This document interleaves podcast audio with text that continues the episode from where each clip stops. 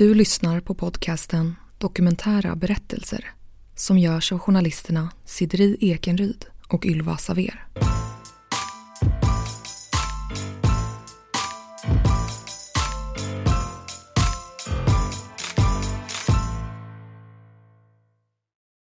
Då och då frågade ju personal i skolan då, hur, har, hur är det egentligen? Vad så, vad, hur har du det hemma? Jo, det är bra. Ja, alltså, man vågar inte berätta. Man vågar inte. Man är uppfostrad med eh, hot och våld och misshandel. Och så tar man det för normalt. Man vet inte ens att så här är det inte i andra hem. Vi hade tydligen, jag tror att vi hade ett ganska vackert hem, men jag kan inte beskriva det för jag var aldrig där. Utan jag var i källaren.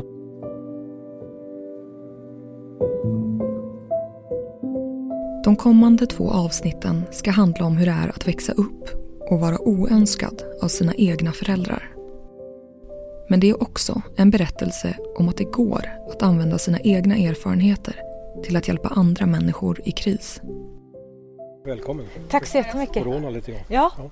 Ja, du får stå där. Är, bilen står i garaget. Hej. Hej. Ylva. Välkommen. Vilka vackra blommor. Vi träffar Ronald en solig höstdag. Han föddes 1950 i Småland där han växte upp med sin mamma, pappa, två äldre syskon och en lillebror. Där är hans berättelse om sin uppväxt.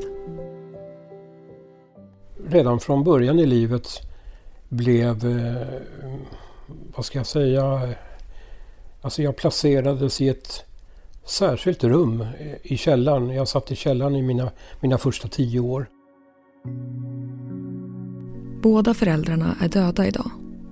Men under Ronalds uppväxt arbetade hans pappa som en högt uppsatt chef på ett företag och hans mamma var hemmafru. Vi hade tydligen, jag tror att vi hade ett ganska vackert hem, men jag kan inte beskriva det för jag var aldrig där. Utan jag var i källaren och eh, i ett sånt där cementat eh, källarrum med ett litet fönster högst upp i ena hörnet eh, som eh, var så här smalt. Det var ljusinsläppet.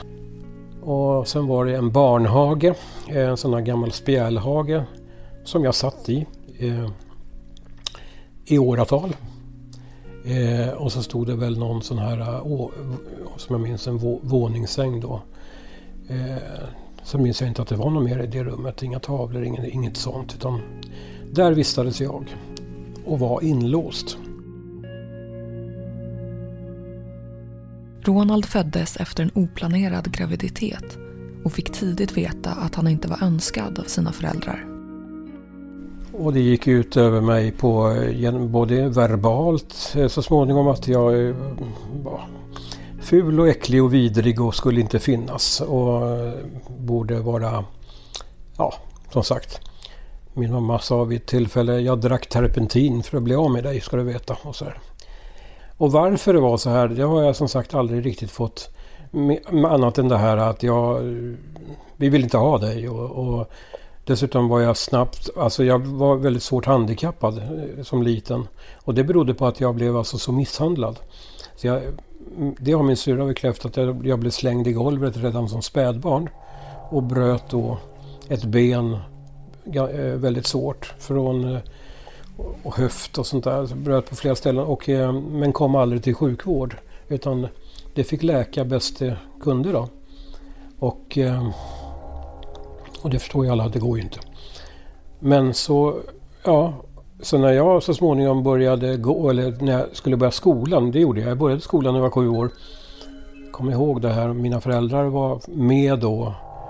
För så skulle det ju vara. Och eh, personalen frågade då varför ser pojken ut på det här sättet? Och då gick jag då gick jag dubbelvikt, kunde inte räta på ryggen, hade ena benet gick åt andra hållet och jag var väldigt så här låg, halt, eh, vad heter det, så här, stor benlängdsskillnad och framförallt var jag också väldigt skygg och, och vågade liksom inte titta på någon, vågade inte svara på, på några tilltal eller någonting. Så här, för jag var ju så pass skadad. Jag hade ju inte haft något socialt liv så dags. Och, ehm, eh, då frågade de varför pojken ser han ut så här? Ja, han hade polio, svarade de då. När han eh, föddes. Ja, sa personalen och gick på det ett tag då innan så småningom började man väl ana att det här var, stämde inte och så. Men, men det tog allt för lång tid. Så att eh, jag började skolan och, eh, men var nästan aldrig i skolan. Därför att det var alltid någonting som gjorde att jag inte fick gå i skolan. Jag... Eh, eh, det kunde vara precis vad som helst. Eh, jag var till exempel sängvätare av, av nervositet då. Det var jag upp till jag var 17-18 år. Och sånt där. Eh, var ständig skräck över att eh, jag försökte alltid hålla mig. För det var sparsamt med att få gå på toaletten. Eh, och, eh, och inför man ska sova så, så, ja, så ligger man där och försöker hålla sig vaken. För att inte somna. För då vet jag att då kissar jag på mig. Och eh, och så somnar man till slut av utmattning och så kom, varje morgon kom morsan och skulle kolla så att säga. Dels skulle hon kolla om jag hade vett ner sängen. Dels skulle hon kolla om jag hade om det fanns minsta lilla smula i sängen. För jag hade väl ibland eh, jag smög upp för källartrappen ibland. Och köket var alldeles ovanför.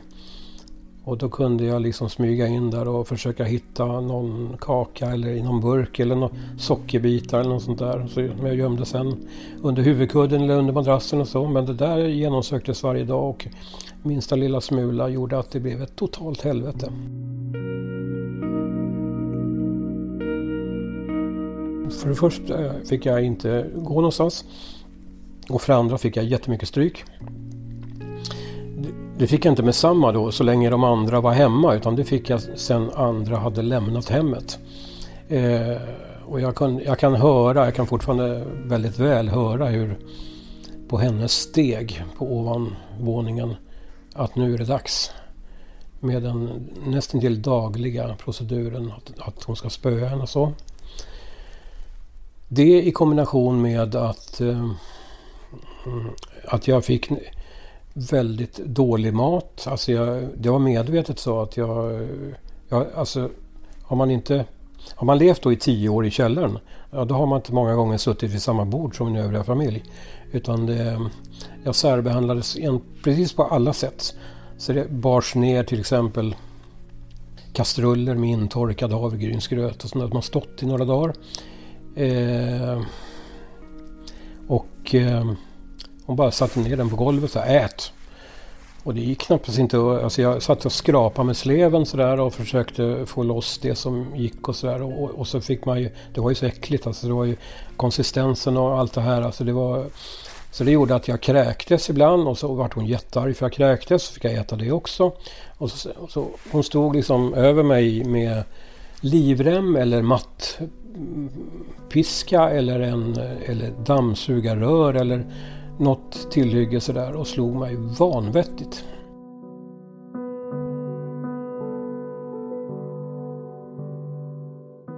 Som första land i världen införde Sverige lagen mot barnaga år 1979. Lagen innebär bland annat att ett barn inte får utsättas för kroppslig bestraffning eller annan kränkande behandling. Men även om barns skyddsnät har stärkts sedan 50-talet när Ronald växte upp så är det fortfarande barn i Sverige som far illa. Vi utreder det som är brottsligt. Vi hör Hilda Ramsten. Hon är polisassistent på Barnahus Stockholm och har jobbat med barnutredningar sedan 2011 i egenskap av utredare och förundersökningsledare. Och det är eh, till exempel misshandel, eh, sexuella övergrepp naturligtvis och också det kan röra sig om ett brott som heter ofredande som är liksom ett, ja men kränkningar, verbala eller fysiska kränkningar. Vi undrar hur polisens arbetssätt ser ut idag vid misstänkta fall av barnmisshandel. Ja, ett typiskt fall, det är, jag ska säga det på en gång, att det är lite lurigt för det finns väldigt stora variationer och eh, alla fall är ju unika. Men ett vanligt fall i alla fall, Eh, så kan man säga att det skulle kunna vara en, en sjuåring som berättar på skolan att eh, han eller hon blir utsatt för våld hemma. Då rapporterar skolan till socialtjänsten. Och sen gör socialtjänsten en bedömning om det ska polisanmälas eller inte. Eh, och bedömer de då att det ska polisanmälas så gör socialtjänsten en anmälan och så kommer den in till Barnahus Stockholm där jag arbetar. Omkring 23 800 misshandelsbrott mot barn anmäldes under 2018. Den här statistiken gör ingen skillnad på om den misstänkte gärningsmannen är en vårdnadshavare eller annan utomstående. Men det man kan se är att sedan 2009 har antal anmälda misshandelsbrott mot barn ökat med 25 procent. Anmälningarna har ökat och det är ju en god sak. Det är det som är lite lurigt här. Att, att det, är liksom, det är en bra sak att vi i Sverige har relativt många anmälningar om barnmisshandel. För det betyder att man vågar anmäla. Det betyder inte att våldet ökar. Och där finns det ju, vad jag menar är att om vi får fler anmälningar om våld, då betyder det inte att, att våldet har ökat för det, utan det betyder att anmälningsbenägenheten har ökat.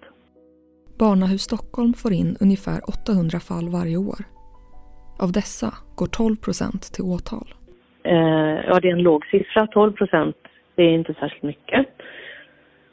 Och det hänger ihop med att det är en stor del av de brott vi utreder är brott i nära relation. Och brott i nära relation är väldigt svåra att utreda därför att det är svårt med teknisk bevisning. Där kan man till exempel inte, man kan inte använda sig av DNA och bevisa att haha, du var på den här platsen, det kan vi visa för det är ju självklart att man befinner sig i samma hem hela tiden. Eh, och dessutom så finns det ju sällan vittnen. Om det finns vittnen så är det vittnen som inte är skyldiga att uttala sig för man är inte skyldig att vittna mot en närstående. Eh, så ja, det, det är brott som är svåra att utreda men också därför att de som är utsatta för de här brotten, och det gäller ju både vuxna och barn, eh, de är inte särskilt benägna att anmäla och, och att berätta hur det är. Därför att de har goda skäl att, och hålla det hemligt. Eller tycker sig ha goda skäl att hålla det hemligt. Men det är, ja, det är lätt att förstå, tycker jag. Men det gör det ju svårutrett. Så det är en orsak till att det är så, så få ärenden som går till åtal.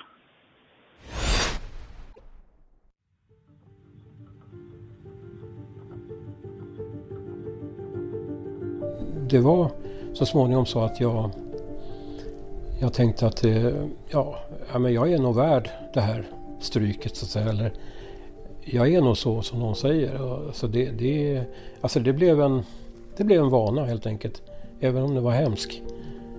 Och man försöker liksom bygga upp någon slags, jag menar, jag hade ju ingen att prata med som sagt. Jag pratade ju med väggen. Eller man byggde upp en sån här låtsasvärld eh, med, med alltså typ Molgan och sådär. Och eh, pratade med sig själv och sådär. Och låtsas att man hade någon kompis där. Och så då och då frågade ju personal i skolan då hur, har, hur är det egentligen? Vad så, vad, hur har du det hemma? Jo, det är bra. Ja, alltså, man vågar ju inte berätta. Man vågar inte. Jag var ju paniskt skräckslagen varje dag för att hur, hur mycket stryk får jag idag? Hur mycket får jag någon mat överhuvudtaget? För det gick ibland flera dagar jag inte fick någon mat alls. Det var ju därför också som jag uh, knallade upp med på, på natten ibland och försökte hitta någonting. Eh, och sådär. Och så satt jag i den där jädra barnhagen då. Och jag har aldrig ägt en bok eller en leksak under, den under mina tio år. Som, mina första tio år som jag bodde hemma. Aldrig någonsin. Man är uppfostrad med eh, hot och våld och misshandel. Och så tar man det för normalt. Man vet inte ens att så här är det inte i andra hem. Och det, det kanske man inte upptäcker förrän man är relativt stor att när man andra har det inte så här. De får inte en smäll om de glömmer nycklarna eller välter ut mjölken. Eh, så visst är det så att det, det kan vara jättesvårt att veta. Hur ser det ut i andra familjer? Vad är normalt? Vad ska jag räkna med? Och självklart också att, att alla som blir utsatta för våld, eh, det ligger i sakens natur, när man blir utsatt för våld av en närstående så tar man gärna på sig skulden för det. Trots att Ronald började gå till skolan då och då som sjuåring så var det ingen utomstående som reagerade.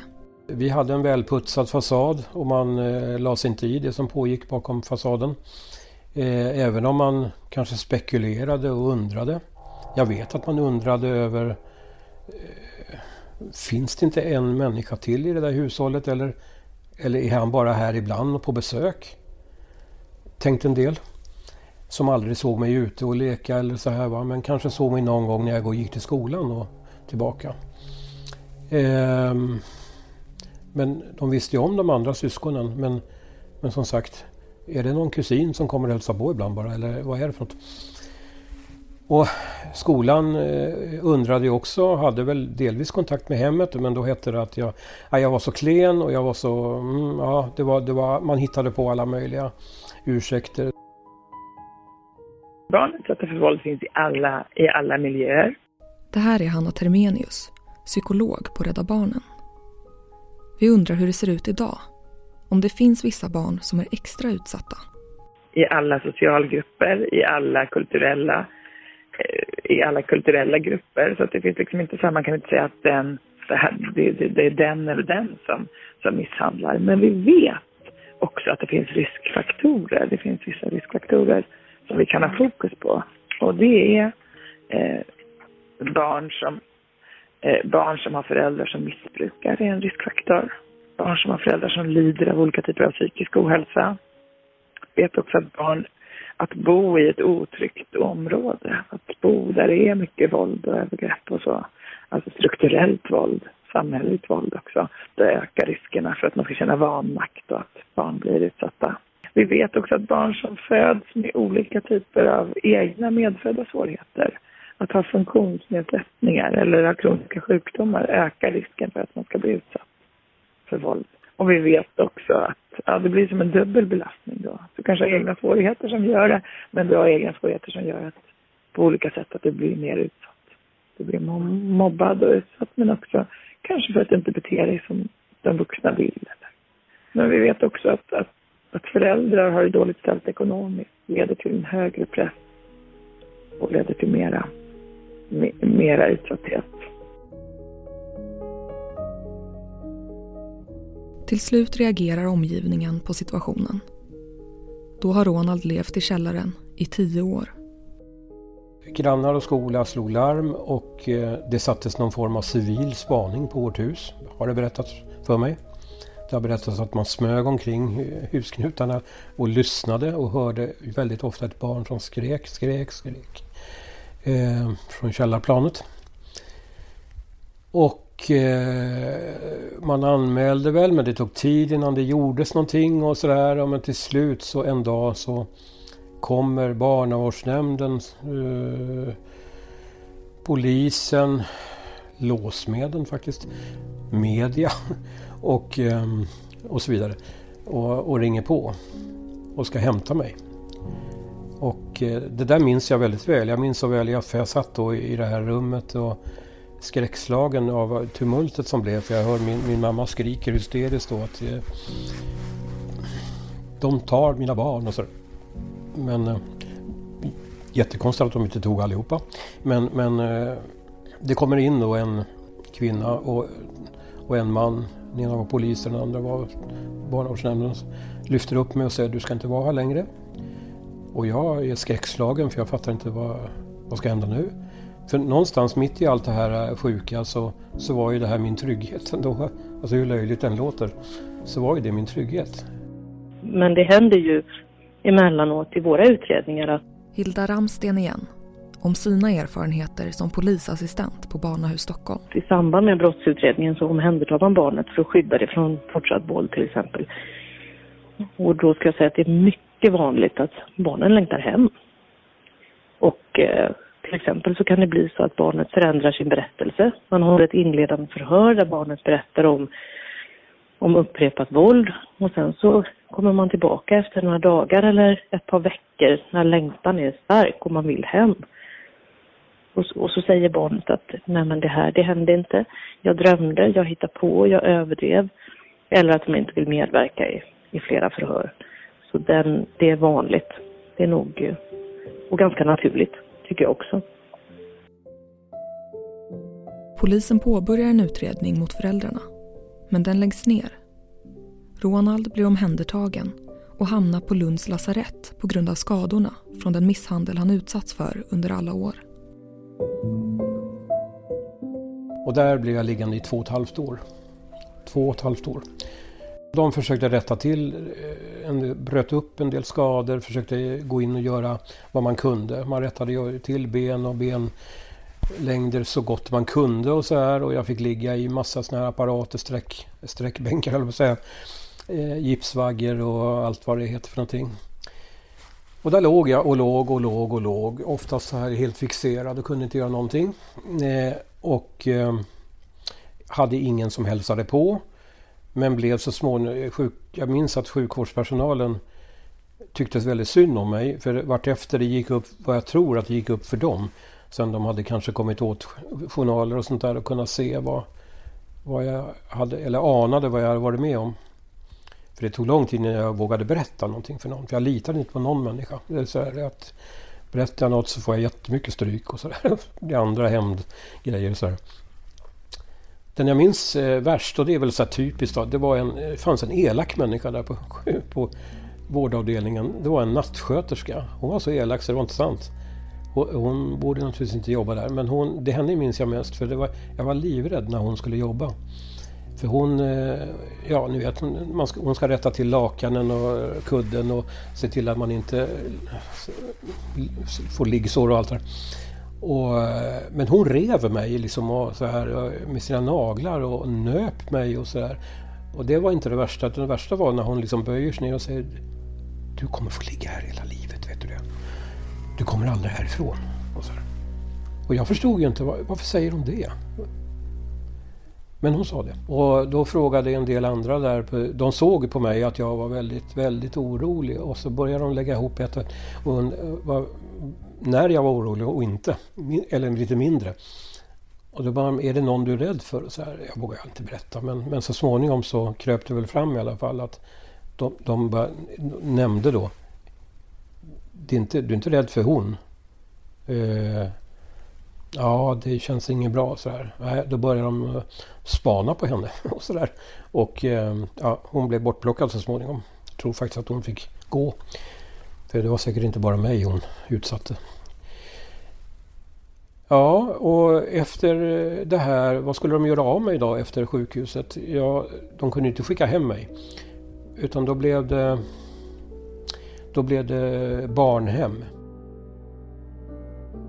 när det handlar om kränkningar som man utsätts för över tid så tycker jag så här att det är lätt att föreställa sig att om du under en hel uppväxt, en hel barndom utsätts för misshandel, hot, eh, ofredande, ja, men olika sorters kränkande beteende, blir kallad för idiot varenda dag, så är det, det är liksom extremt smärtsamt och det ger avtryck för ett helt liv framöver. Men de brotten i sig de räknas inte som så grova. Och som jag sa förut så behöver du kunna bevisa vart och ett av brotten. Man kan inte döma någon för att ja, men du har i största allmänhet slagit någon ofta. Det går inte utan du måste bevisa varje örfil så att säga. Och det gör att, eh, och brottet att genom en örfil, ringa misshandel kanske det landar på. Det är ett ganska ringa brott. Ett ofredande är också ett lindrigt brott. Eh, ett olaga hot är relativt lindrigt också. Och det gör att eh, straffskalan ofta inte alls motsvarar eh, vad de här brotten har fått för effekt i målsägarens liv. Och det hänger dels hänger ihop med att brotten vart och ett för sig är ganska ringa. Grov fridskränkning är grövre och det är just för att man har tagit hänsyn till att ingen ska behöva utstå det här eh, upprepat. Man ska inte behöva utstå kränkningar, många kränkningar över tid så att säga. Men eftersom det då är svårt att bevisa vart och ett av brotten och samla ihop till den, till den faktiska mängden, det som faktiskt har varit, så blir straffskalan relativt, det blir låg. Kanske bara kan bevisa en örfil och ett olaga hot, fast du har ett barn som berättar om upprepade kränkningar i flera års tid, till exempel. Och då blir straffet därefter. Och så tycker jag naturligtvis att det ska vara, för det ska vara rättvist och det måste vara rättssäkert för den som är misstänkt. Men det gör ju att den eh, när, när en vårdnadshavare har vanvårdat sitt barn och utsatt barnet för fruktansvärda saker så är det inte säkert, även om brottet anmäls och går till åtal och döms, så är det inte säkert att straff, straffet motsvarar, så att säga, hur eh, allvarlig kränkningen har varit. Eller det är min uppfattning i alla fall. Att ofta kommer man inte åt det.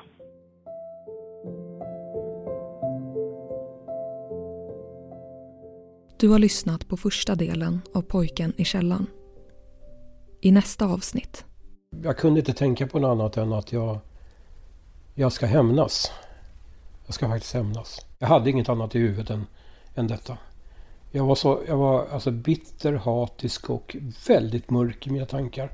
Jag var helt, helt, helt inne. Varför ska de leva när jag har blivit bestulen på så många år? Alltså jag var uppe i detta så det fanns inget annat. Jag hade inte någon kommit i min väg och fått mig att tänka lite annorlunda, då hade jag gjort det. Jag, var, jag, hade till och med, jag hade planerat i detalj. Jag hade till och med engagerat någon ytterligare person som skulle hjälpa mig.